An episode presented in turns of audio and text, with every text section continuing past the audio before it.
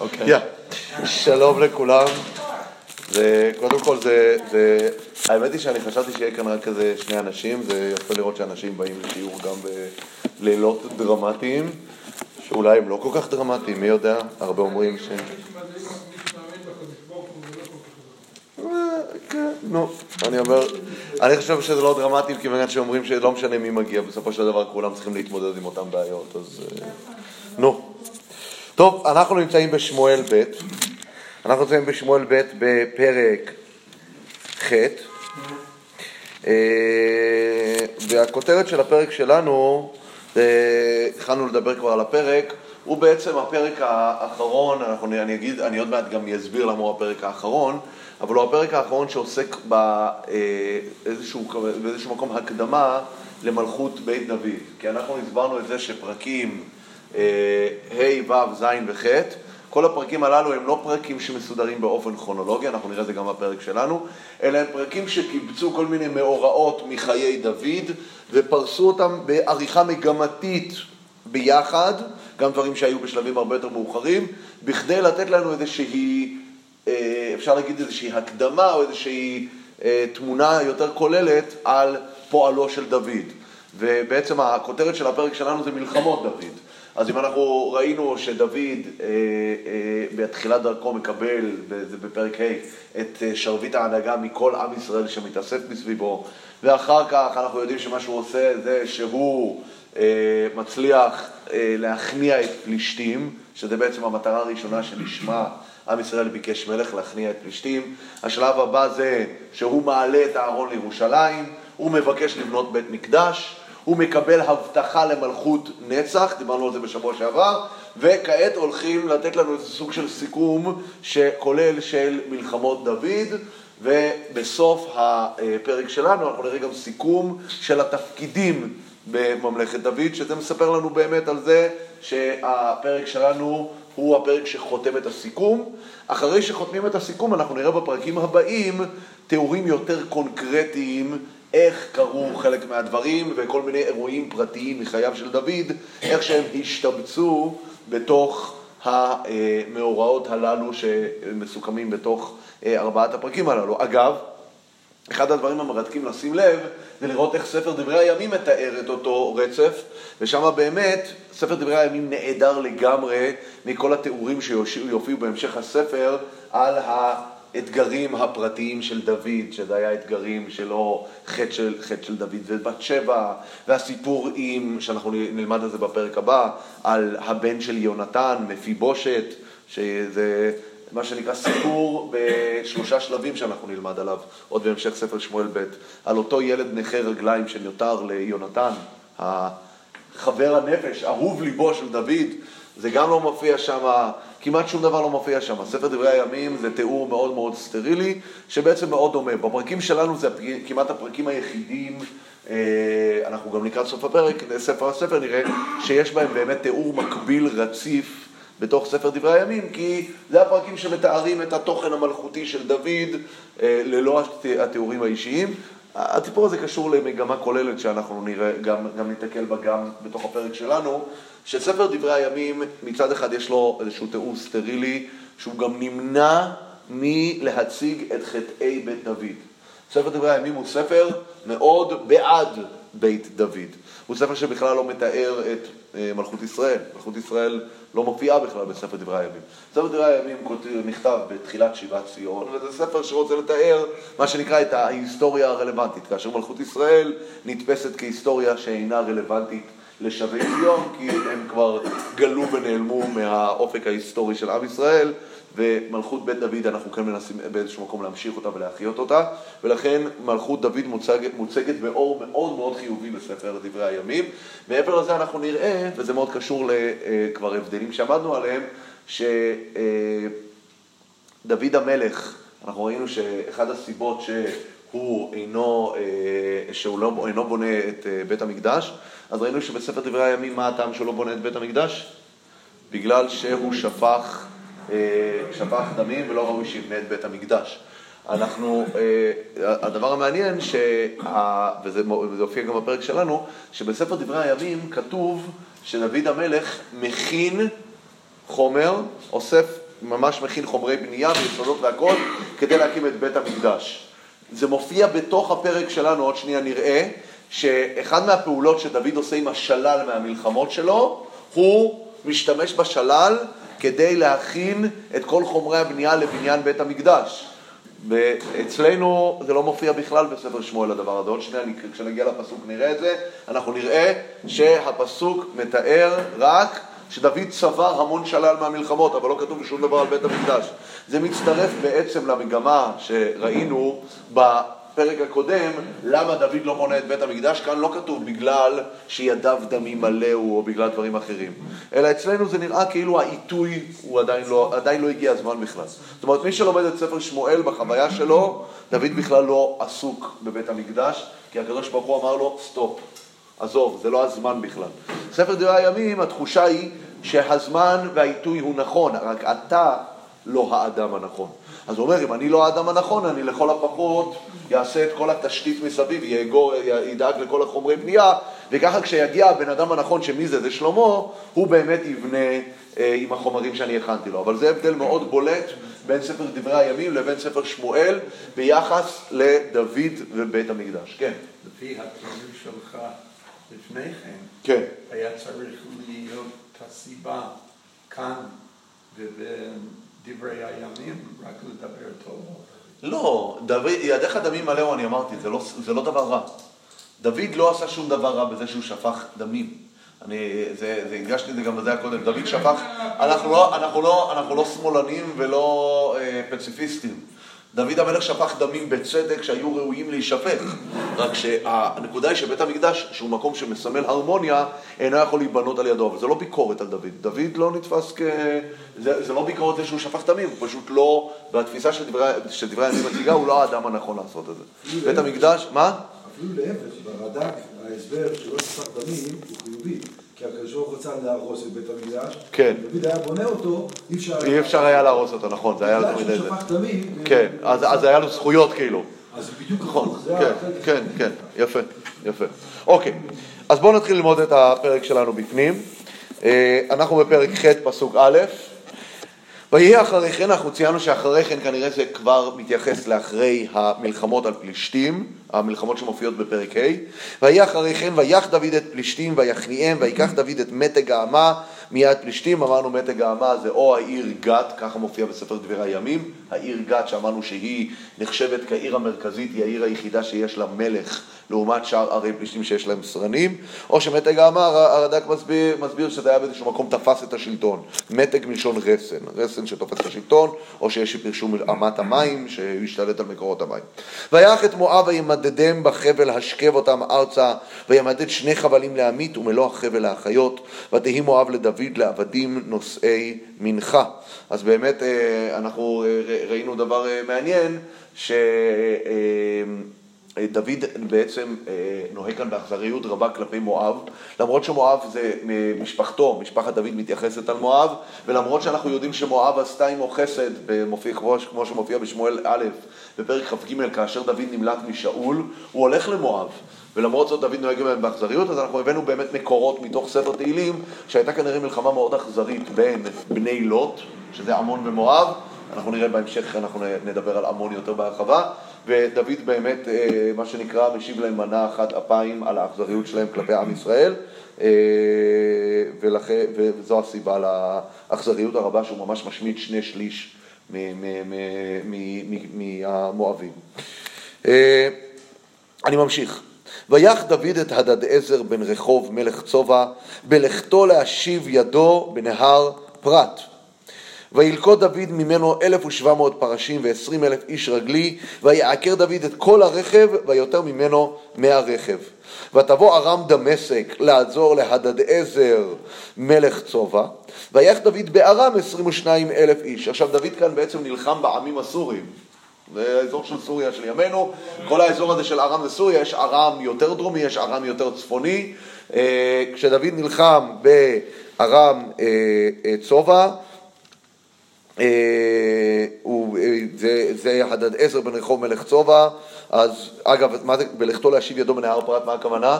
שהוא באמת משתלט שם על שטחים נרחבים עד נהר פרת. זה דבר מאוד משמעותי להבין שדוד המלך כאן בהשתלטות שלו מגיע עד, אה, עד הגבול של נהר פרת. עוד שנייה אנחנו נרחיב כאן על, על, על הנקודה הזאת, זו נקודה חשובה מאוד. מה, יפה, אנחנו נדבר על המושג הזה. וילכוד דוד ממנו אלף ושבע מאות פרשים ועשרים אלף איש רגלי, ויעקר דוד את כל הרכב, ויותר ממנו מאה רכב. ותבוא ארם דמשק לעזור להדד עזר מלך צובע, ויח דוד בארם עשרים ושניים אלף איש, וישם דוד נציבים בארם דמשק, ותהי ארם לדוד לעבדים נושאי מנחה, ויושע השם את דוד בכל אשר הלך. ויקח דוד את שלטי הזהב אשר היו אל עבדי הדד עזר, ויביאם ירושלים. ומבטח ומברותי הרי הדדזר לקח המלך דוד נחושת רבה הרבה מאוד. זו בדיוק הנקודה אגב שבספר דברי הימים מופיע שאת השלל הזה שהוא לקח, ויהיה לנו עוד תיאורי שלל בפרק, דוד מכין אותו למען בית המקדש. פה זה לא מופיע. פה מופיע שהוא לוקח שלל הרבה מאוד. אבל אגב, נקודה מעניינת, שמי זה הדד עזר? הד... הדד, מי זה הדד? הדד זה שם של אל שלהם. זה שם של אל. הדד. אבל אנחנו יודעים שיש עוד מישהו בשם דומה שהגיע מאותו אזור, מי זה? זה אליעזר, העבד של אברהם. אליעזר זה עברות של השם הדד עזר, כן? הדד זה השם האלילי, אליעזר זה כבר התרגום של השם היהודי, אליעזר, כן? אז, אה, אז כאן זה הדד עזר, אנחנו מכירים את זה ביותר בשם אה, אליעזר. אבל דוד בסופו של דבר משתלט כאן על סוריה.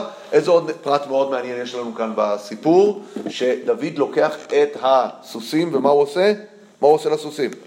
ויעקר דוד את כל הרכב. הרי מה זה רכב? רכב זה אה, כרכרה אה, אה, עם, סוס, אה, עם סוס לפניה, כשהלוחם עומד על הכרכרה, לוחם או שניים, ודוד בסופו של דבר מצליח להשתלט על השריון, זה היה, זה היה השריון המקראי, והוא לא משתמש בו. אז יצא לנו לדבר על זה גם בהקשר של יהושע. יהושע עושה את, כל, את אותו הפעולה בדיוק כשהוא כובש, כובש את מה? כשהוא כובש את חצור. חצור היא הייתה עיר ואם לכל הממלכות, ואנחנו רואים את זה, אנחנו יכולים לפתוח ביהושע, בפרק ח' אם אני לא טועה. למה? לא, לא, לא, לא, לא, אתה מדבר על סיסרא. אתה מדבר על סיסרא, אני מדבר כאן על חצור. במלחמה של יהושע מול חצור, מה קורה? אה, לא, זה בפרק אה, ט', אחרי פרק ט', סליחה, לא פרק י'. אה,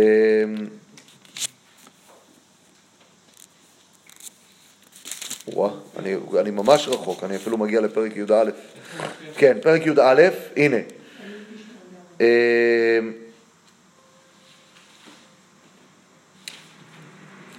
הנה, אנחנו רואים בפרק י"א בפסוק ו', ויאמר השם אל יהושע, הוא מדבר על חצור, פרק י"א פסוק ו' ביהושע.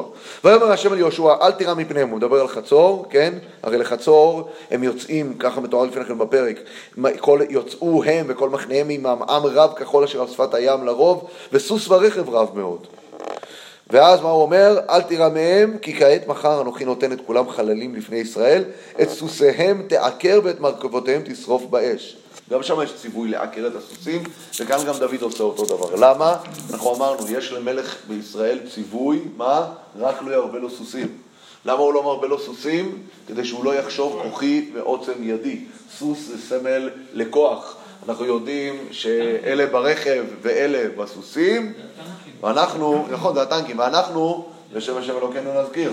אנחנו יודעים שיש את הביטוי, על הסוס לא נרכב ולא נאמר עוד אלוקינו למעשה ידינו. הסוס מבטא את העוצמה הצבאית ואת התחושה שאני שולט על המצב ואני מוביל את המלחמה בכוחי, ועם ישראל לא נלחם באופן הזה, עם ישראל נלחם באופן שהקדוש ברוך הוא, הוא ההולך לפניהם להילחם להם, ולכן גם דוד הוא זה שמעקר. דיברנו על זה גם בהקשר של שאול בזמנו, מהי כן הבהמה היהודית בהקשר הזה? החמור. החמור, החמור, האתון הם החיות היהודיות. אה, אנחנו יודעים שהיא החיה הטמאה היחידה שיש בה גם מצווה של פדיון.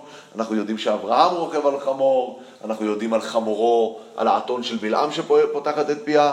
אנחנו יודעים על חמורו של פנחס בן יאיר, נכון? יש תיאורים שלמים על החמור של פנחס בן יאיר שהיה מעשר. יודעים שהוא היה מעשר. הוא לא היה יכול, הוא לא היה יכול לתבוע לו מאוסרת. אז ככה הגמרא מספרת. חמור היא חיה באמת אה, מאוד אה, זה. הרי מה כתוב? המשיח יגיע רוכב על? על חמור. מה זה לעקר? זה לסרס או זה... לא, אני חושב שזה לפגוע להם בקרסוליים, בפרסות, כן, להוציא אותם בכלל שימוש. יכול להיות מאוד שהוא כן לקח אותם, ל, אתה יודע, להיות בהמות מסע או דברים כאלה, אבל הוא, לעקר הכוונה, אני חושב, לעקר את השימוש הצבאי שלהם, זה המשמעות של אה, לעקר. אה, אז זה מה שהוא עושה כאן עם סוריה. בואו נמשיך. וישמע תואי מלך חמת, מה זה חמת? חמת זה חומס. זה חומס. לא, זה לא חמת גדר. לא, לא, זה לא חמת גדר. זה חומס. כן. זה כבר, אה, זה צפונה יותר. כי היכה דוד את כל חיל הדד עזר, וישלח תואי את יורם בנו אל המלך דוד לשאול לו לשלום ולברכו על אשר נלחם בהדד עזר ויכהו כי איש מלחמות תואי היה הדד עזר זאת אומרת איש מלחמות תואי מי שנלחם עם תואי היה הדד עזר ובידו היו כלי כסף וכלי זהב וכלי נחושת גם אותם הקדיש המלך דוד להשם עם הכסף והזהב אשר הקדיש מכל הגויים אשר כיבש ומהי רשימת הגויים שהוא כובש שימו לב מארם וממואב ומבני עמון ומפלישתים ומעמלק ומשלל הדד עזר בן רחוב מלך צובע, כן? ויה, עכשיו, לפני הפסוק הבא, שימו לב, יש כאן רשימה של עמים שאנחנו לא מכירים. פלישתים אנחנו יודעים שהוא נמחם, נכון? מה עוד אנחנו יודעים? מואב אנחנו יודעים וארם אנחנו יודעים. עמלק, היה לדוד כנראה, כנראה שנשאר לו מהשלל, מאיזה שלל? כשהוא נלחם עם עמלק, כשהוא היה עוד בגדוד, כשהוא היה נמלט הרי משאול, אנחנו יודעים שהיה לו מלחמה עם עמלק, נכון? באותו זמן ששאול נופל בגלבוע, דוד יש לו מלחמה עם עמלק. אבל איזה עם כתוב כאן, יש, מופיע כאן במלחמה ואנחנו לא ראינו עדיין? זה עמון, נכון? איפה אנחנו נפגוש את המלחמה מול עמון? בפרקים י', י"א, י"ב. זה יהיה המלחמה מול עמון. אז שוב פעם אנחנו רואים שהפרק הזה עוסק קצת בסיכומים שאינם כרונולוגיים, אלא מתאר לנו מאורעות שמגיעים משלב יותר אה, מאוחר. עכשיו יש כאן פסוק קצת קשה.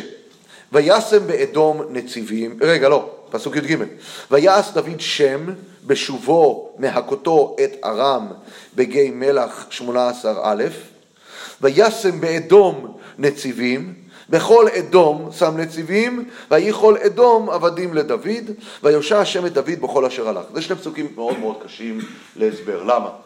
כי כאן אנחנו צריכים לראות, בהקשר של פסוק אה, אה, י"ג, שבמקבילה בדברי הימים, אנחנו יכולים לראות את זה, גם בואו נפתח בדברי הימים בפרק, אה, בדברי הימים א', בפרק י"ח.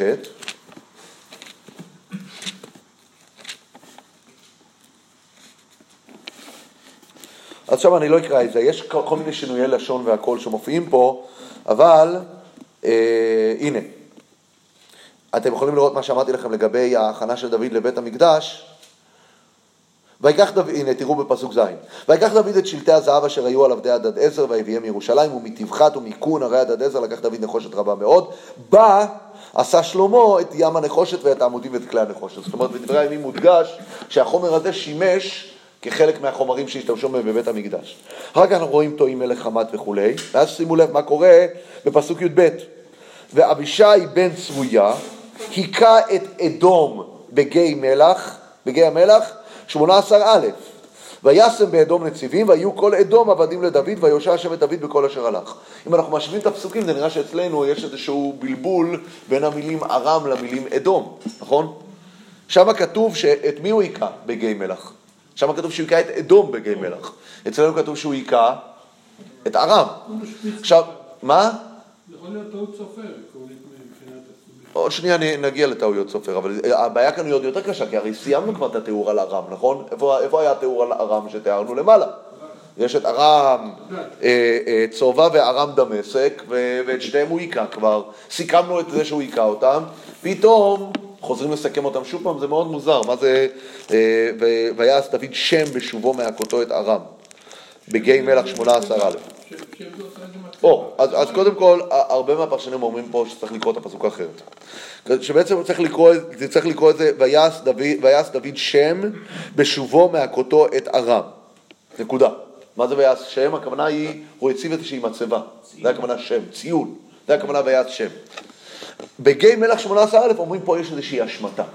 יש איזושהי השמטה, דיברת על טעויות, כאן היה כתוב, ואבישי היכה את אדום בגיא מלח 18א. אוקיי? זה כמו שמופיע באיפה? בדברי הימים, נכון? ככה כתוב, ואבישי בן צוריה היכה את אדום, מגיע מלך 18א. אז מה, מה באמת פשר ההשמטה הזאת? אז זה שרצו לפרש פשר ההשמטה, זה קשור לזה שהמילים, כמו שאמרת, אדום וארם דומות, אז השמיטו את זה מפני שהן דומות. זה קורה לפעמים ב, אה, בטקסטים ש, עם שתי מילים שנמצאות קרובות אחת לשני ודומות, ועלולים להתבלבל, משמיטים אותם. אבל יש כאן כנראה משהו הרבה יותר מהותי, וזה העניין ש... אה, הספר שמואל באופן כללי מצנזר את הפעולות של משפחת צרויה וממעט בהן. יש מקום אחד שאנחנו נראה שהוא כן שם בפרק אה, אה, י' שיואב ואבישי כן מקבלים קרדיט, אבל על פי רוב ספר שמואל ממעט לפרגן ליואב בן צרויה ואבישי. איפה אני יודע את זה בצורה הכי מובהקת? בנושא של כיבוש ירושלים. בכיבוש ירושלים, אנחנו למדנו על כיבוש ירושלים בפרק ה', נכון? מה כתוב בכיבוש ירושלים בפרק ה'? שדוד המלך מגיע באמת ומתמודד מול היבוסי, והוא רואה שהסיפור הזה באמת מאוד uh, קשה לכיבוש, ואז הוא מודיע, מה הוא אומר? שכל מי שמה? שיכבוש ויגע בצינור וכולי, ומה מה יקרה איתו? הוא ישים אותו להיות באמת uh, איש uh, גיבור ומפורסם. בדברי הימים, אני שנייה מחפש את זה תוך כדי שאני מדבר איתכם, כתוב משהו אחר. הנה. אצלנו, אם נסתכל בפרק ה' מה כתוב, בפרק ה' אני רק אצטט כדי שתראו את ההבדל מול הפנים שלכם. בפרק ה' כתוב, ויקרא, הנה, ויאמר דוד ביום ההוא, אני קורא בפרק ה' פסוק ח' כל מכה יבוסי ויגע בצינור ואת הפסחים ואת העברים שנואי נפש דוד, על כן יאמרו עיוור ופיסח לא יבוא אל דוד. ומה הוא מתכוון להגיד? ש, שהוא כנראה ייתן איזשהו שכר למי שיעשה את זה. בדברי הימים תראו, תראו מה כתוב. כתוב בדברי הימים א', י"א, פרק י"א בדברי הימים א', בפסוק ד', יש לכם? וילך דוד וכל ישראל ירושלים היא יבוס, ושם יבוסי יושבי הארץ, ויאמרו יושבי יבוס לדוד לא תבוא הנה, וילכוד דוד את מצודת ציון היא עיר דוד. ויאמר דוד כל מכה יבוסי בראשונה יהיה לראש ולשר. שם זה כתוב בצורה הרבה יותר מפורשת. מי שיצליח לכבוש את ירושלים, שכל כך קשה לכיבוש, יהיה לראש ולשר. ויעל בראשונה יואב בן צרויה, ויהי לראש. ככה כתוב שמה, כן? בדברי הימים. אצלנו לא מופיע, בספר שמואל לא מופיע שיואב קונה באמת את גדולתו והופך לשר סביב כיבוש ירושלים. זאת אומרת שהכותב של ספר שמואל בכוונה משמיט כאן את פועלו של יואב. גם אצלנו הוא משמיט את פועלו של יואב. עכשיו תגידו לי... מה? הוא יביא אותו, הוא יביא אותו, אבל יש לו לפעמים את המגמה שהוא מעלים אותו, כמו שראינו, הוא לא, הוא לא רוצה. הוא מביא אותו כי הוא נותן את רשימת התפקידים, הוא לא יכול להעלים אותו לגמרי. יואב, בסופו של דבר יש לו תפקיד, וקראנו על תפקידים של יואב כבר בתחילת הספר במאבק מול אבנר. אבל באיזשהו מקום הוא ממעט לתת לו את הקרדיט. ולכן, מי שקורא את הפסוק הזה, בתפיסה שלו מי מקבל את הקרדיט פה? דוד. דוד, נכון? אז אה, זה אנחנו רואים, זה לא הפעם הראשונה שספר שמואל ממעט בקרדיט של אה, יואב. אנחנו נראה, יכול להיות שבהמשך אנחנו נצליח להביא פה פשט אפילו יותר אה, מקיף על הסיפור של הפסוק הזה. אבל שימו לב לפסוק הבא, פסוק י"ד: וישם באדום נציבים, בכל אדום שם נציבים, ויהי כל אדום נציבים, אדום עבדים לדוד, ויושע השם את דוד בכל אשר הלך. המשפט הזה ויושע השם את דוד בכל אשר הלך מופיע כבר, איפה הוא מופיע? כמה פסוקים לפני כן. שימו לב, בפסוק ו'. בפסוק ו', וישם דוד נציבים בארם דמשק, ותהי אדם ארם לדוד לעבדים נושאי מנחה, ויושע השם את דוד בכל אשר הלך.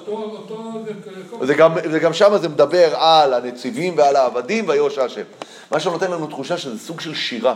יש כאן איזשהו חרוזים, איזשהו שירה, איזשהו קצב. זאת אומרת, אם אני הייתי קורא את הפסוק, הפסוק הזה שוב פעם, אני הייתי קורא אותו ככה. וישם באדום נציבים, בכל אדום שם נציבים, ויהיו כל אדום עבדים לדוד, ויושע השם את דוד בכל אשר הלך. זאת אומרת, לא סתם יש חזרה על המשפט כאן, וישם באדום נציבים, בכל אדום שם נציבים. כי זה, משקל, זה סוג של משקל של שירה שיש פה. שזה, מה? זאת הייתה השיטה של הזה. הוא לא השאיר שם כוח, הוא לא השאיר... הוא שם שם, נכון, הוא שם שם, הוא שם שם מושלים, אבל אני אומר... הלך לכבש גרסה, הלך לכבש גרסה. נכון, נכון, אבל אני אומר, הצורה של הניסוח הזאת, במיוחד עם החזרה של הפזמון הזה, ויושע השם את דוד בכל אשר הלך, נותנת לנו תחושה שזה סוג של שיר פה. ושירים בהקשר של כיבושים ומלחמות זה דבר מאוד נפוץ, כן? לתאר כיבוי כיבושים אה, אה, בשירים. אנחנו מכירים את השיר שמופיע בפרשת אה, חוקת, השיר של הכיבושים של זה, שירת דבורה בס- בסיום של ניצחונות, שירת ים סוף, אבל יש גם לפעמים את השירים שממש מתארים את ההישגים הצבאיים בצורה כזאת. אנחנו מכירים את השיר הזה, ב, השיר הזה בסוף פרשת חוקת, נו, אוי לך מואב, עבדת עם כמו, שנתה, בניך הלכו פליטים בזה, ויוצאים בשבי, נו. על כן אמרו מושלים באו חשבון, תיבנה ותיכונן עיר סליחון, שם זה שיר שלם שמצוטט שיר ניצחון בקרב. אז זו תופעה שקיימת, שיר, שירי ניצחון בקרב, והיו כנראה מפארים את המלך בשירים האלה.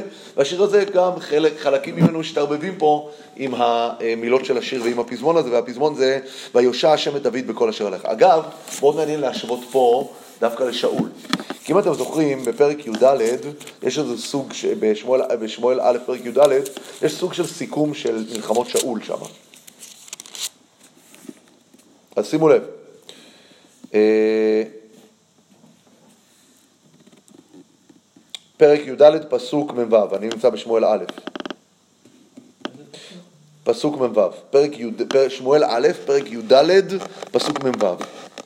ויעל שאול מאחרי פלישתים, פלישתים הלכו למקומם, ושאול לחד המלוכה על ישראל, וילחם סביב בכל אויביו. במי הוא נלחם? במואב, ובבני עמון, ובאדום, ובמלכי צובע, ובפלישתים. הרשימה הזאת היא מאוד מוכרת לנו, נכון? זו אותה רשימה שמי? שדוד נלחם איתה. אבל כנראה שאם שאול נלחם איתה, וגם דוד נלחם איתם, כנראה שהוא לא הצליח כל כך, נכון? זה אותו, אותו, אותו, אותו, כמעט, כמעט אותה רשימה אחד לאחד, אבל מה הסיום שמה? ובכל אשר יפנה ירשיע, ככה כתוב על שאול. שימו לב, מה כתוב על דוד, מה המילה המרכזית אצל דוד? יושיע. דוד הוא מושיע, ויושע השם. שימו לב ליושיע מול הירשיע פה. ששאול, המלחמות שלו נידונות לקו חובה, כל אשר לפני ירשיע, וכנראה לכן גם הוא לא מצליח במלחמות, ולכן כשדוד בא בסבב הבא של מלחמות הוא צריך לחזור על אותם כיבושים, אבל הוא נחשב כמושיע לעומת שאול שנחשב כמרשיע. בואו נמשיך. וימלוך דוד על כל ישראל, מה זה? כאן אנחנו נמצאים בסוג של פסוקי סיכום. וימלוך דוד על כל ישראל, זה אומר לך, אחרי שקראנו את כל מה שתיארנו, שאנחנו יודעים עכשיו שדוד הוא גם מלך שכל עם ישראל רצה אותו וביקש ממנו להיות מלך אחרי הפילוג הארוך שהיה, והוא גם מנצח את הפלישתים, והוא גם מוליד את כל הילדים האלה ונושא את הנשים, והוא מולך בחברון שבע שנים ובירושלים 33 שנה, והוא רוצה, מעלה את אהרון לירושלים, והוא רוצה לקנות בית המקדש, והוא מקבל הבטחה למלכות נצח, והוא מנצח את כל האויבים. יש כאן את כל הסימנים שזה המלך, זה המלך שציפינו לו, כן? אז כאן יש סיכום, וימלוך דוד על כל ישראל, ויהי דוד עושה משפט וצדקה לכל עמו. אגב, הצמד הזה, משפט וצדקה, הוא צמד חשוב מאין כמוהו. הצמד משפט וצדקה מופיע, אפשר להגיד, ב, אם אפשר לבחור בתנ"ך את הפסוק המכונן שלנו כעם, הפסוק הזה זה הפסוק שנאמר לאברהם אבינו בפרשת וירא, כשהקדוש ברוך הוא מסביר לאברהם למה הוא בחר בו. אז מה הוא אומר לו? הרי שם יש פסוק מאוד מעניין. כשהקדוש ברוך הוא הולך להחריב את סדום, הקדוש ברוך הוא אומר, המכסה אני מאברהם את אשר אני עושה? זאת אומרת, הקדוש ברוך הוא אומר, לא ייתכן שאני אחריב את סדום, ואני לא אשתף את החבר הכי טוב שלי, את אברהם אבינו, בתוכניות. ואז הפסוק מסביר, למה? למה הקדוש ברוך הוא כל כך אוהב את אברהם? אז מה הפסוק אומר? כי ידעתיו, למען אשר יצווה את ביתו, את ביתו ואת בניו אחריו, ושמרו את דרך השם, לעשות צדקה ומשפט. הרמב"ם לקח את הפסוק הזה, אגב, ובאמת הפך אותו לאיזשהו משהו מכונן. ברמב"ם בהלכות דעות, כשהוא רוצה להסביר את ההנהגה הראויה לאיש היהודי, ההנהגה המאוזנת, שביל הזהב של הרמב"ם, הוא בונה את זה על המונחים האלה של צדקה ומשפט, זה מה שהוא קורא לזה, זה דרך השם. הרמב"ם אומר, הדרך המאוזנת, הדרך של המידות המאוזנות שיש לאדם, יש לרמב"ם תיאוריה שלמה מהי הדרך המאוזנת, הוא אומר, זה, דרך, זה אותה דרך השם שהוא לימד את אברהם אבינו, ולעשות צדקה ומשפט. צדקה ומשפט בעיני הרמב"ם הם מבטאים איזון. למה? הגמרא כבר שואלת על, על, על הפסוק הזה, שדוד, יהי דוד עושה צדקה ומשפט וצדקה לכל אומה, הגמרא אומרת, אם יש משפט אין צדקה. למה? כי הרי משפט באיזשהו מקום חותך, זה מגיע לך, זה לא מגיע לו. המשפט הוא לא צדקה, משפט הוא חוק. חוק חותך את הדברים ואומר מה צריך לעשות, ייקוב הדין את ההר. זה משפט. צדקה, זה לכאורה הדבר ההפוך. הצדקה היא החמלה, היא ההתחשבות ברגשות, הלפנים משורת הדין. הצדקה מגיעה כאשר שורת הדין נסוגה אחורה, נסוגת אחורה. אז כבר אומרת דבר סתם, זה תיאור מאוד יפה על דוד. כשדוד היה מזמין, כשאנשים היו באים להתדיין לפניו, והיה עומד העני מול העשיר, והעני היה מפסיד במשפט, כי באמת העשיר צודק. אז מה שהיה קורה זה שדוד היה פוסק משפט, העני חייב לשלם לעשיר, אבל אחר כך היה מוציא מכיסו ונותן לעני את הצדקה ומשלים לו את החוסר שלו, שזה יפה. כי מצד אחד הוא אומר, יש חוק, זו אמירה מאוד חשובה, במיוחד בהקשר שהרמב"ם משתמש בשני המונחים האלה, צדקה ומשפט, כדי להסביר את דרך השם, את האיזון. כי מהי דרך השם? כשהרמב"ם מדבר על איזון כדרך השם, מה הוא מתכוון? הוא אומר שאם בן אדם הוא מאוד אה, רגזן, כן? אז הוא אומר, אדם לא יכול, אסור שהוא יהיה רגזן יותר מדי, אבל הוא אומר גם אסור שהוא יהיה סבלן יותר מדי. כי אם אתה סבלן יותר מדי, אתה נותן לכל אחד לדרוך עליך, נכון? אתה הופך להיות אה, אה, משהו שלא מתחשבים בו ושאפשר לדרוך עליו. ומצד שני, אסור לך להיות רגזן מדי. אז מה אתה צריך למצוא את שביל האמצע בין שני המידות המנוגדות, או אפילו אומר פרקטית, אם אתה יותר מדי רגזן, אתה צריך להטות את עצמך לצד השני כמו קפיץ. עד שתחזור לאמצע, וכן הפוך. אז צדקה ומשפט באיזשהו מקום, בהגדרה של התפיסה של הרמב"ם וגם אצל אברהם, הם מבטאים את האיזון הזה, שמצד אחד צריך חוק, יש חוק, אבל מצד שני יש את ההתחשבות במציאות, את החמלה, את ה... להסתכל בעיניים של האדם ולהגיד יש כאן גם את המעבר לחוק, וזה צדקה ומשפט, וזה, כשאומרים שדוד באמת נוהג בצדקה ומשפט, רוצים ל- ל- להגיד שיש כאן איזושהי סגירת מעגל מאברהם אבינו עד לפה, עושה צדקה ומשפט וצדקה לכל עמו. עכשיו יש כאן את התיאור של התפקידים. ויואב בן צרויה על הצבא, ויהושפט בן החילוד מזכיר. מה זה מזכיר? מישהו יודע מה זה מזכיר? מזכיר, מה זה מזכיר? מזכיר בתור כמו המזכירה או המזכיר הכללי? מה זה של האו"ם? מה זה מזכיר? מזכיר זה, שר, זה ראש המערכת המשפטית. נגיד, אנחנו יודעים אצל אסתר ואצל אחשוורוש יש, קוראים לספר הזיכרונות. אנחנו יודעים שראש השנה, אגב, ראש השנה זה יום הזיכרון. מה זה יום הזיכרון? זה יום הדין. כשאחשוורוש קורא את ספר הזיכרונות, מה זה ספר הזיכרונות? זה הספר של הפסקים. ספר שבו חתכים כל אחד מה, איפה הוא יהיה. אז יהושפט הוא המזכיר, ואיך קוראים לו אגב? יהושפט. גם השם שלו זה בא לידי ביטוי. מזכיר, הכוונה היא בשפה התנ"כית שופט, ולכן ראש השנה נקרא יום זיכרון. אנשים נזכרים לפני הקדוש ברוך הוא, ונחתך דינם, ונכתב בתוך ספר הזיכרונות, נכון? זה המושג של uh, מזכיר, זה יהושפט בן החילוד מזכיר. אז יש כאן את הרמטכ"ל, יש כאן את... אה, אה, נשיא בית המשפט העליון, שזה יהושפט בן החילוד, וצדוק בן אחיטוב ואחימלך בן אביתר כהנים, כן, זה הרבנים הראשיים, יש כאן ממש את כל המערכת, נכון? אנחנו עוברים כאן על כל המערכת הממשל של דוד המלך. ושריה סופר, סופר זה הבחור שאחראי על הארכיון, על הארכיב, כן? הוא זה שהמתייק והמתעד. ובניהו בן יהוידע והכרתי והפלטי, הכרתי והפלטי זה נחשב הסיירת המיוחדת. הכרתי והפלטי זה גם אלה שאנחנו יודעים שכשדוד בורח מירושלים במרד אבשלום, הם אלה שנשארים נאמנים לדוד. כרתי ופלטי זה נחשב הפלוגות המיוחדות. הסייר, אני יודע, Navy Seals, סיירת מטכ"ל, איך שלא נקרא לזה, שהם צמודים למלך ומגנים עליו. באיזשהו מקום, כאילו בני בן יהודה הוא השומר האישי של המלך. הוא ראש אה, משמר המוסקטרים, אני יודע איך אה, לקרוא לדבר, לדבר הזה בשפה של ימינו, מה? כן, לא יודע, זה, זה בניהו בן יהוידע. ובני דוד כהנים היו. מה זה כהנים?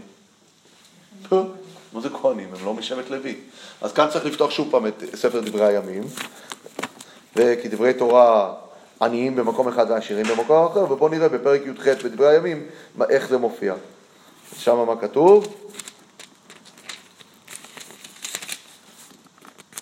ובני דוד, אני קורא את הפסוק האחרון בפרק י"ח, ובניהו בן יהודה הכרתי והפליטי וכל זה, ובני דוד הראשונים ליד המלך. הראשונים, אז מה הכוונה כהנים? כהנים כנראה מכהנים. יש להם תפקידי שררה, יש עוד שר, יש גם שר חקלאות, ושר אוצר, ושר מיסוי, ומה שזה לא יהיה. זאת אומרת, בני דוד הם נמצאים בתוך המערכת השלטונית של דוד, וזה הכוונה כהנים. עכשיו, יש כאן נקודה שהיא נקודה שהייתי רוצה להרחיב עליה, על בכלל על הסיפור הזה של הפרויקט של כיבושי דוד. אבל בכל מקרה, מה שאמרתי ופתחתי עם זה, בזה שיש כאן את הסיכום על ממשל של דוד, והכותרת לקראת הסוף, שויהי דוד עושה משפט וצדקה לכל עמו, וימלוך דוד על כל ישראל, רואים שבשלב הזה מסתיימים פרקי הסיכום של ממלכת דוד שהתחילו בפרק ה' ומסתיימים פה, זה חותם איזשהו דבר, וראינו כמעט בכל פרק ופרק שלמדנו את חוסר, את זה שהפרקים האלה הם לא כרונולוגיים, חוזר לטענה הראשונית שמלווה אותנו בפרקים האחרונים, שיש כאן בפרקים האלה סוג של מבוא שמסכם את מלכות דוד מתחילתה ועד סופה, כולל את משפחתו, כולל את התפקידים, כולל את הפרויקטים הגדולים שלו, שזה הארון ובית המקדש, כולל ההבטחה שלו להיות מלך וכולי. הכל, בעצם, אם אני רוצה להגיד, לסכם למישהו את כל מלכות דוד, ארבע פרקים האלה הם מספיקים. הם מספיקים, ככה נראית מלכות דוד מבחינה היסטורית, זה האבני דרך הייחודיים קורים אה, פה. תאורטית היה אפשר לדלג פה כבר לפרק, לפרקים החותמים את אה, מלכות דוד, ששם יש לו כבר שירה, הרי השירה של דוד מגיעה מתי? השירה של דוד מגיעה כאשר השם מציל אותו מכף כל אויביו ומכף שאול, נכון? השירה המפורסמת של דוד שמופיעה גם בסוף ספר שמואל וגם בתהילים. זה עכשיו אפשר לשיר את השיר, הכל טוב, הוא ניצח את כל האויבים שלו. אבל מה, יש כאן דבר מעניין בכלל בסיפור הזה, וזה חוזר שוב פעם למה שדיברתי על זה, שיש כאן מלך שמציב ידו בנהר פרת. וכאן צריך לדבר קצת אה, על הסיפור בכלל של הארץ המובטחת, ולמה זה כל כך משמעותי, שדוד כאן מרחיב את כל החיבושים שלו למזרח. אז פה באמת צריך לחזור קצת לספר בראשית, אה, קצת לסיפור הגיאוגרפי שיש לנו. אנחנו קוראים בסוף אה, אה, פרשת חיי שרה, אנחנו קוראים פסוק מאוד מעניין על ישמעאל. אחרי שישמעאל בעצם מגורש, אז אה, אנחנו יודעים שאימו לוקחת לו אישה מארץ מצרים, והוא גדל, הוא פרא אדם, הוא ידו בכל, יד כל בו, הוא גדל במדבר פארן שמה, ואז בהמשך, אחרי שאברהם אבינו מת, מתוארת משפחת ישמעאל, ומאחרי משפחת ישמעאל מה כתוב? כתוב על ישמעאל, מה מרחב המחיה שלו. מרחב המחיה של ישמעאל זה וישכון מחבילה על שור אשר על פני מצרים בואכה אשורה, על פני כל אחיו נפל. מה זה מבחינה גיאוגרפית אומר לנו? ויש כאן נקודה מאוד חשובה להבין על כל הסיפור הזה, אולי אנחנו צריכים להתחיל בשלב אחורה. כשאנחנו מדברים על העולם העתיק, בעצם שני המרכזים הכי גדולים והחשובים זה מצד אחד בבל ומצד אחד מצרים. בבל הכוונה היא בין שתי הנהרות, כשאנחנו מדברים על מסופוטמיה, על ערש התרבות העולמית, המקום הראשון שבו מתגלה הכתב, כתב היתדות, האימפריה, האימפריות הגדולות שם אה, של, של חמורבי והרבה מהספרות המוקדמת העולמית נוצרת שמה בין שתי הנהרות, בין הפרת לחידקל במסופוטמיה. וזה בעצם האזור שממנו מגיע אברהם אבינו. אבל מהצד, מהעבר השני יש לנו את מצרים, יש לנו את מצרים שהיא גם האימפריה השנייה, שבמשך אגב אלפי שנים בתוך התנ"ך עצמו זה עדיין נשמר ששני מרכזי הכובד המרכזיים והמתחים הגדולים הם בין האזור ההוא לבין האזור של אה, מצרים, עד, עד לסוף אנחנו יודעים. כשירמיהו הנביא בסוף בית ראשון צריך לרדת למצרים, המתח הגדול שארץ ישראל שרויה בו זה המתח שבין מצרים לבין בבל. זאת אומרת, עוברים אלפי שנים מימי אברהם, וזה עדיין נשאר אותו, אה, אותו מתח ואותה פוליטיקה. ומה קורה בתווך? בתווך יש לנו את האזור שנקרא אזור הסהר הפורה, שזה האזור שבין הפרת לבין הנילוס. עכשיו הדבר המופלא זה שכשהקדוש ברוך הוא נגלה לאברהם אבינו בברית בין הבתרים, וצריך לדעת שכשהקדוש ברוך הוא נגלה לאברהם אבינו בברית בין הבתרים, איפה זה קורה? איפה ברית בין הבתרים קורית באופן פיזי? מישהו יודע להגיד? בצפון באיזה מקום. יש מחלוקת אם בארץ או... יפה, על פי הרבה מהפרשנים זה קורה בחו"ל. למה זה קורה בחו"ל? זה קורה כי יש חשבון. החשבון, יש חשבון שכאשר עם ישראל יוצא ממצרים כתוב שהוא מושב בני ישראל שישבו באמת בארץ מצרים 430 שנה, נכון? והמפרשים מתלבטים, הרי בברית בין הבתרים כתוב ועבדום ועינו אותם 400 שנה. אז מה אומרים? אומרים שמהולדת יצחק מתחילים לספור 400, אבל ברית בין הבתרים עצמה הייתה 30 שנה קודם לכן, ולכן יש כאן, הפערים בין המספרים נובעים בזה שאומנם ברית בין הבתרים הייתה בחו"ל עוד לפני שאברהם הגיע לארץ, זה היה בחרן, אבל הספירה מתחילה מהולדת יצחק שקורית פה בארץ ישראל. זאת אומרת שההבטחה הזאת לאברהם נאמרת כשאברהם הוא במסע לצאת מאור כסדים ללכת לכיוון ארץ כנען. עכשיו, מה קורה במסע הזה? במסע הזה יש תחנה מאוד מעניינת אה, והיא מרתקת כשאנחנו קוראים את סוף פרשת נוח. עכשיו אנחנו רואים שמי שמתחיל במסע זה לא אברהם לבדו. תרח. תרח. תרח יחד עם אברהם, יחד עם הרן. ולוט. יש עוד ילד אגב. מי זה הילד? איזה עוד ילד יש? יש לאברהם שני אחים. אחד זה הרן, איך קוראים לאח השני? נחור. נחור. לתרח יש שלושה ילדים. יש לו שלושה ילדים, אברהם, הרן ונחור. ושימו לב דבר מעניין, זה מאוד מעניין כי זה לא סתם קרה ככה, זה מציג לנו איזשהו סוג של מודל. אברהם הולך עם אביו, ואביו לא מצליח להשלים את המסע, ואברהם בסופו של דבר מש- משלים את המסע ומגיע לכנען. נחור נשאר מאחורה. הרן מגיע לחרן ונתקע באמצע. זאת אומרת, יש לנו שלושה אחים.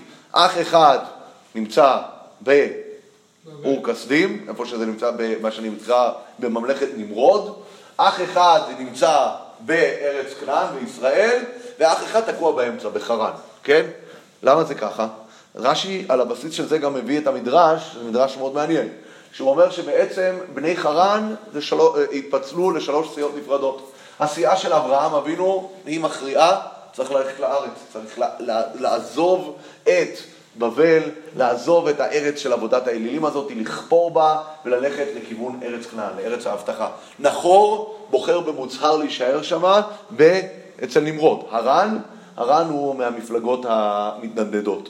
הרן עליו אומר המדרש, כאשר השליכו את אברהם לאש, הוא אמר, אם אה, הוא, אמר לפני כן, הוא אמר לפני כן, אני אראה מי מנצח, נמרוד או אברהם, ואני אלך עם מי שמנצח בסופו של דבר. ואז מה שקורה כשזורקים את אברהם לאש, אומר המדרש, אברהם יוצא מזה חי, והרן קופץ, והרן מת.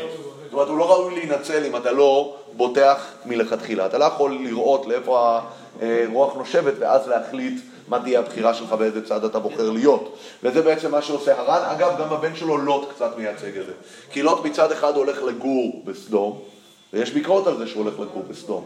אנחנו יודעים שהוא כמעט, אה, שהוא גם, המלך, במלחמת ארבעת המלכים, הוא נחטף. אנחנו יודעים שגם בהפיכת סדום הוא כמעט נהפך. עד שהקדוש ברוך הוא זוכר את אברהם, יזכור השם את אברהם, נכון? והוא מציל את אה, לוט.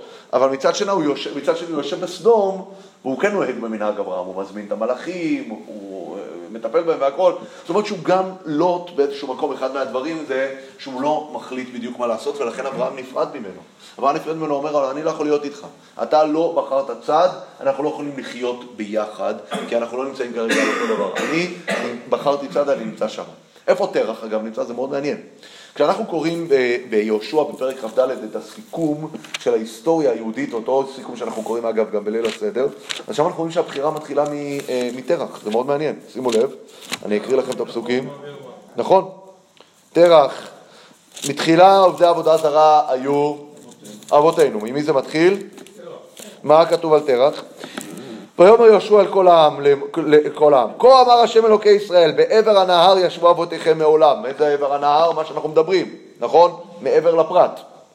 תרח אבי אברהם ואבי נחור. הר"ן לא נזכר פה, נכון? למה הוא לא נזכר? נשרף. לא רק הוא נשרף, הוא לא מייצג צד. הר"ן הוא הניטרלי, הוא מסתכל איפה הוא הולך, הוא לא מייצג צדדים. יש את תרח, יש את אבי אברהם ויש את אבי נחור. ויעבדו אלוהים אחרים, כולם עובדים אלוהים אחרים, אגב, כולל אברהם אבינו. ויקח את אביכם, את אברהם, מעבר הנהר, והולך אותו בכל ארץ כנען, והרבה זרעו, ויתן לו את יצחק, ויתן ליצחק את יעקב. הסיפור הזה מספר את סיפור הבחירה, אוקיי? אבל מה כתוב שמה? בין אברהם לבין נחור הייתה בחירה. שזה מספר לנו סיפור שמרתק, שאנחנו לא מודעים לו. שמה? העובדה היא שתרח בעצמו מצטרף למסע של אברהם לארץ כנען. אנחנו רגילים עוד מהגן ילדים לצייר את תרח כרשע המוחלט. תרח הוא הרשע, אברהם נלחם באביו, תרח הוא הבעלים של הסופרמרקט של הפסלים, הכל טוב ויפה, אבל בתורה כתוב שתרח, וזה כתוב במפורש, אם נקרא את זה בסוף פרשת נוח, תרח מתחיל במסע לכנען. בואו נקרא את זה, אתם לא חייבים להאמין לי. מה? הוא מת בחרן, אבל הוא זה שמתחיל את המסע עם כל משפחתו, הנה. עכשיו, לא רק זה, אנחנו מכירים כולנו את המשניות המפורסמות ממסכת אבות, שאומרות מה? עשרה דורות מ... מאברהם עד נוח, ועשרה דורות מנוח עד אברהם. זה לא נכון. תספרו מנוח עד אברהם, יש 11 דורות. אז תספרו. העשרה דורות הם משם עד אברהם. אבל זה לא מה שכתוב במשנה, במשנה כתוב עשרה דורות מאדם עד נוח, עשרה דורות מנוח עד אברהם. זה לא... לא אה, לא, אני חושב שיש כאן נקודה שהיא נקודה עמוקה מאוד. בתורה עצמה, אגב, הספירה מתחילה משם. אנחנו מכירים שיש שני רשימות כרונולוגיות, אחת בסוף ספר בראשית, בסוף חומש בראשית, ואחת בסוף פרשת נוח. הכרונולוגיה בפרשת בראשית היא המסע מאיפה? מאדם לנוח, נכון? ונוח מצא חן בעיני השם, נכון? זו הסיומת הגדולה של פרשת בראשית, נכון? למרות שהשם נעצב על, רב, על זה שרבה רעת האדם, נוח מצא חן. אז זה מסע אחד. המסע השני הוא בסוף פרשת נוח, הוא מסע משם לאברהם, נכון? לא מנוח לאברהם, משם לאברהם. אבל מה כן, וזה מעניין, שה... כשהתורה עוצרת בכרונולוגיה הראשונה, במי היא נעצרת? היא נעצרת בנוח, ואז מה היא מתחילה לספר לנו? אלה תולדות נוח, נוח שיצא איתו ויולד נוח שלושה בנים, את שם את חם ואת יפת. כשהתורה מתארת טכנולוגיה, טכנולוגיה בסוף ספר אה, פרשת נוח, היא מגיעה לתרח, ושם היא מתחילה לתאר את תרח באותו אופן שהיא מתארת את נוח. היא יולד אה, תרח שלושה בנים. למה התורה לא מתארת לי את תרח בדיוק כמו שהיא מתארת את הדורות לפניו? ויולד בנים ובנות וכולי, והוליד את אברהם. אברהם הוא הרי הסיפור. משום מה התורה נעצרת בתרח ומתחילה לספר לי את סיפורו של תרח. בספ- מה? היו גם שלושה, זה. יכול להיות שאבל גם דורות לפניהם היה שלושה בנים. הדגם הזה, שהדור האח- הדור האחרון שאני עוצר בו אחרי הסיפור הארוך, הוא דור שאני עוצר, ואני מספר על שלושה ילדים, כמו שעשינו אצל נוח, זה בדיוק אותו דבר שמופיע אצל תרח, נכון? בואו נקרא. לפני כן, אני אקרא לכם שני דורות קודם כדי להסביר לכם למה אני מתכוון. ויחי סרוג שלושים שנה ויולד את נחור. ויחי סרוג אחרי הולידו את נחור מאתיים שנה ויולד בנים ובנות. ויחי נחור תשע ועשרים שנה ויולד את תרח. ויחי נחור אחרי הולידו את תרח תשע ועשרים שנה. אגב, זה לא אותו נחור שאנחנו מדברים עליו, זה הסבא. סבא. סבא, נכון? 19 שנה ומעט שנה ויולד בנים ובנות. ויחי תרח שבעים שנה, ויולד את אברהם, את נחור ואת הרן. אה, ואלה תולדות תרח. תרח הוליד את אברהם, את נחור ואת הרן. המילים ואלה תולדות תמיד בספר בראשית, הם מדליקים לנו נורה אדומה. ואלה תולדות אומר אנחנו מתחילים סיפור חדש. אנחנו יודעים שיש את הסיפור של הבריאה, ואחר כך מתחיל תולדות. אלה תולדות שמיים וארץ בהיברעם. נכון? אלה תולדות, זה ספר תולדות אדם, זה השלב שמתחילים את תיאורו של אדם הראשון, מגיעים לנוח, אלה תולדות נוח, נוח איש צדיק תמים היה. תיאור המבול, תיאור אה, היפרטות העמים, ואז מתחיל אלה תולדות שם. הבא בתור שזוכה לביטוי אלה תולדות, אחרי שם, מי הוא? תרח. תרח זוכה לאלה תולדות. אגב, אתם יודעים מי הבא בתור אחרי תרח שזוכה לאלה תולדות? לא, אחרי תרח. כנראה אברהם אתה אומר. לא, אברהם לא זוכה. יצחק. אלה תולדות יצחק בן אברהם, אברהם הוליד את יצחק. אחרי יצחק, מי זוכה, מי, אגב, מי עוד זוכה לתולדות? ישמעאל זוכה לתולדות, עשיו זוכה לתולדות, יעקב זוכה לתולדות, יוסף זוכה לתולדות. היחיד בכל ספר בראשית שלא זוכה לתולדות, מי זה? אברהם. אברהם לא זוכה לתולדות. פלא עצום. מי כן זוכה לתולדות? תרח. מה שנותן לי את התחושה, שאני אני, לא- אני לא בטוח, אני מנסה כאן לענות על זה, שהסיפור של אברהם מתחיל מתרח. צריך להבין שכשהתורה אומרת אלה תולדות תרח, ואנחנו יודעים שלא ייתכן שדמות כמו אברהם בתוך ספר בראשית לא זוכה למשפט המונומנטלי הזה של בראשית, אלה תולדות אברהם. חייב להיות שהסיפור של אברהם מתחיל מתרח. באיזה אופן הסיפור של אברהם מתחיל בתרח? בעובדה שתרח מתחיל את המסע לארץ כנען. כי הסיפור של, כל הסיפור של הפרשיות הראשונות של בראשית שואף לקראת זה, שהדמות בסופו של דבר תגיע לארץ הזאת. ולכן אברהם אבינו מסיים את המסע שאביו מתחיל, ואם נקרא שם את הפסוקים, ואלה תולדות תרח, תרח הוליד את אברהם, את נחור ואת הרן, והרן הוליד את נוט, וימת הרן על פני תרח אביו בארץ מולדתו באור כסדים, ויקח אברהם ונחור להם נשים, שמש את אברהם שרי ושמש את נחור מלכה, בת הרן וכולי וכולי, ויקח תרח את אברהם בנו ואת לוט בן הרן בן בנו ואת שרי כלתו, ויצאו איתם מאור כסדים ללכת ארצה כנען, ויבואו עד חרן. וישבו שם, ויהיו ימי תרח חמש שנים ומאתיים שנה וימות תרח בחן, אבל הוא התחיל את המסע לכנען. אגב, אני טעיתי פה, אה, הרן לא יצא מאור כסדים, הבן שלך, לוט, זו טעות שלי. הרן מת באור כסדים, כמו שתיארנו, אחרי שנמרוד זורק אותו לאש, אבל הבן שלו, לוט, מממש את, ה, את, ה, את המקום שלו. אבל בכל מקרה, החלוקה הזאת של, של, של, של, אה, אה, החלוקה הזאת בין אברהם לבין נחור, אגב, נשמרת לאורך הספר. איך אני יודע? כי בהמשך הספר אנחנו יודעים שאברהם מצווה את אליעזר עבד אברהם, דיברנו על אליעזר לפני כן, מצווה את אליעזר לקחת לאישה לבנו ליצחק מאיפה? מהמשפחתו, משפחתי מבית אבי. מי זה המשפחה הזאת? משפחה שהוליד מי? נחור. משפחה שהוליד נחור, אותו נחור שבחר להישאר שם מאחורה, אברהם אומר, אני מעדיף. להשתדך עם האח שלי שלא שיתף פעולה איתי, ולא בא איתי לכנען ונשאר מאחורה, מאשר להשתדך עם הכנענים המושחתים, אוקיי? אגב, דרשות הר"ן מעריך בנושא הזה, כי הכנענים יש להם גנים גרועים, הוא אומר. הוא אומר, הוא אומר דבר מדהים, הוא אומר, כנעני טוב, אל תשתדך איתו, עדיף משפחה שלי רשעים מאשר כנעני אה, טוב. כי כנעני טוב, אבל בטבע שלו הוא רע. ככה, ככה, ככה אומר דרשות הר"ן. דרשות הר"ן, ככה הוא מדבר, יש לו תיאוריה גנטית שלמה שם, תורת גזע יהודית, על הסיפור שאברהם בוחר בגזע טוב. כי הגזע של נחור נתפס אצל אברהם כגזע טוב, למרות שנחור, וגם בתואל, בתואל במשפחתו, היו משפחה של רשעים. אבל הוא, הדם הזה, אה, הדם הכחול, מה שנקרא, נשמר שם כמו שצריך. בכל מקרה, אבל נחור לא רק אה, אה, נשאר שמה, כשאליעזר עבד אברהם מגיע לשם, שימו לב לביטוי, כשהוא מגיע לפגוש את משפחת נחור, הוא מגיע למקום, ואיך קוראים למקום הזה? הוא קורא למקום הזה עיר נחור. ככה הוא קורא למקום.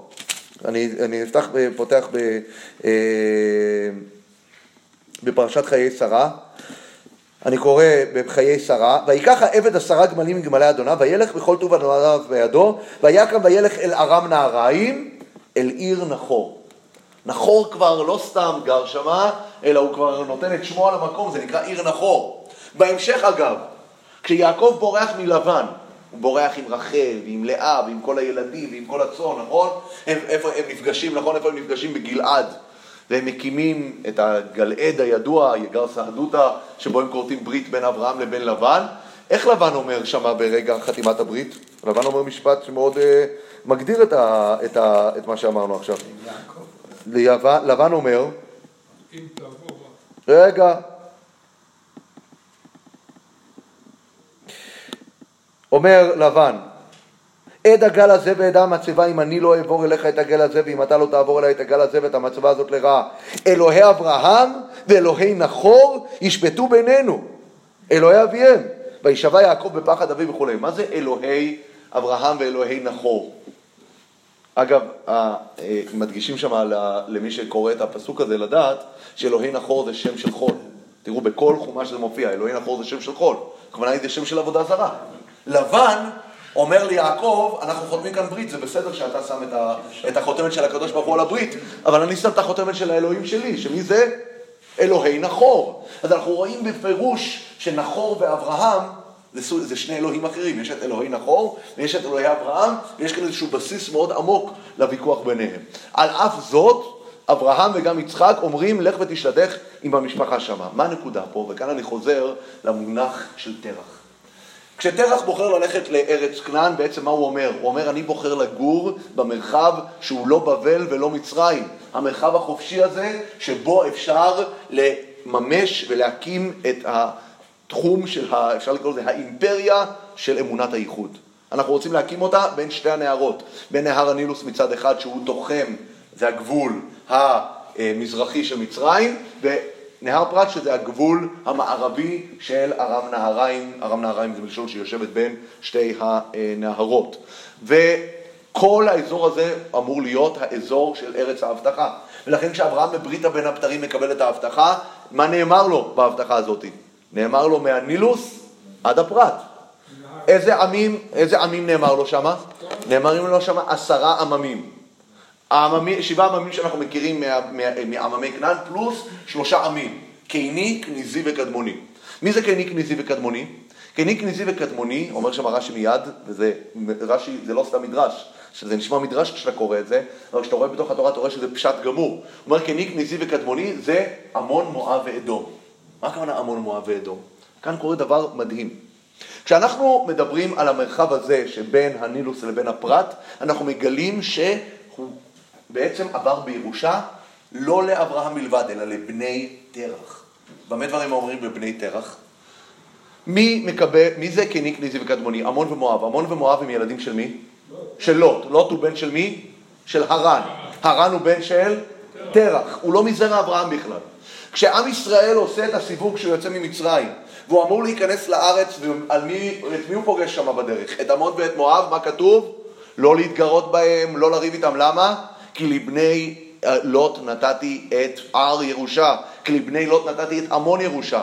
עם שעיר גם אסור לך להילחם, אבל שעיר זה עשיו, הוא מבני אברהם, ניחא, אז אני יכול להגיד שחלק מירושת אברהם, הירושה הגדולה, היא מה? היא גם את הר שעיר, אבל לוט, הבנים שלו, עמון ומואב, זוכים לירושה, לירושה שהקדוש ברוך הוא אומר לנו, כשאנחנו נכנסים לארץ, אל תתקרבו אליהם, הם נמצאים שם בזכות. באיזה זכות הם נמצאים שם? מה פתאום עמון ומואב זוכים כאן לירושות? תשובה, כי הם מבני לוט, שהוא מהבן של הרן, שהוא הבן של תרח. לתרח יש זכות ירושה על כל המרחב. אז זה לא רק שאנחנו מתחתנים ממשפחת תרח, כמו שאברהם אומר לאליעזר, ואחר כך יצחק אומר ליעקב, זה לא רק זה, אלא שיש להם כאן התרח, בזכות המסע, שהוא יוצא מבין, מארם נהריים, הוא יוצא מבין שתי הנערות כדי להצטרף למגמה של אברהם. אלה תולדות תרח, זה התולדות של אברהם, הסיפור של אברהם מתחיל מתרח, זה לבסס את הממלכה המונותאיסטית הזאת בין שתי הנהרות. מה קורה אגב עם שאר השטחים? הרי בין הנילוס לבין הפרת יש לא רק את ארץ ישראל של בני יעקב, ולא רק את הר שעיר של עשיו, ולא רק את עמון ואת מואב, יש מה שאר השטחים? כל המדבריות. מי גר במדבריות הללו? ישמעאל.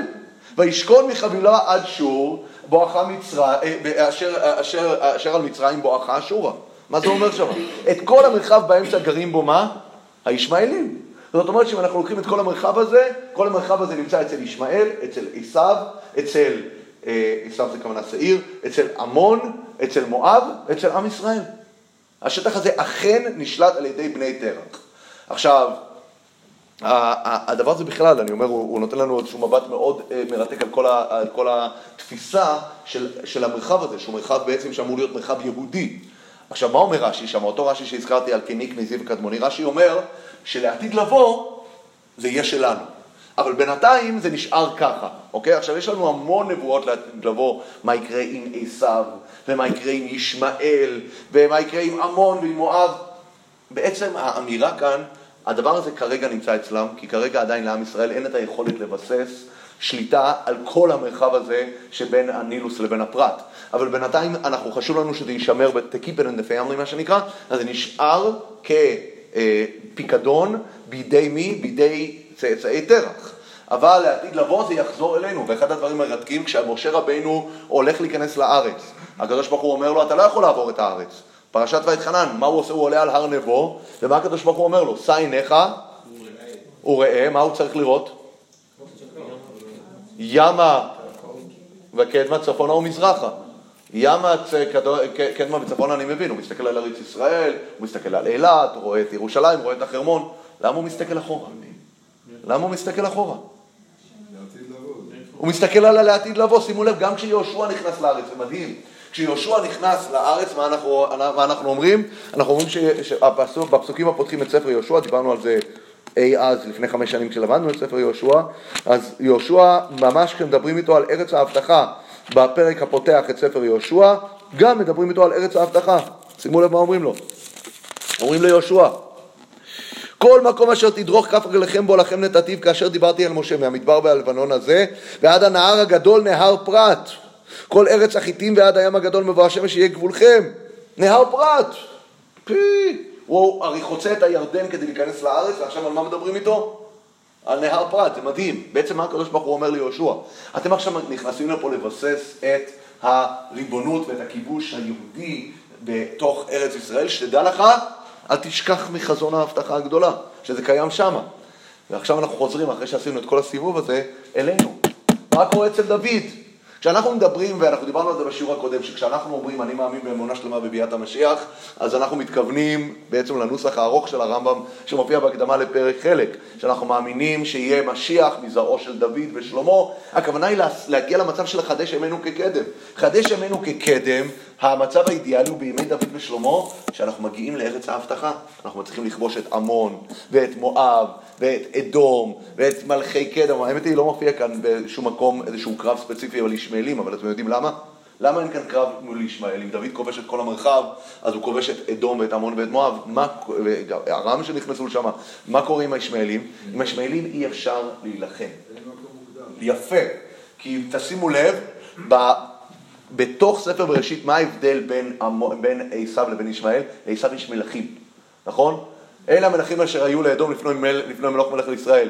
אצל ישמעאל מה נאמר? בחצרות, נשיאים בחצרותם בטירותם. שם זה מדבר על משהו זז, משהו נוודי. הם היו בדואים, הם היו שבטיים, לא היה להם ממלכות. כמו, ישמעאל, כמו הם היו נוודים, לא היה מי להילחם איתם, הם היו עושים פעולות גרילה. הפעם היחידה שפגשנו אגב אה, את הממלכה, את הכסח הישיר בינינו לבינם זה היה אצל גדעון, שכתוב שמדיין, עמלק ובני קדם נופלים בעמק, הם פלשו לעמק יזרעאל, והיה כאשר זרה ישראל, עם ישראל היה זורע, הם היו באים עם הגמלים שלהם ועם הצאן שלהם והיו חומסים את הכל, כמו בדואים, כן?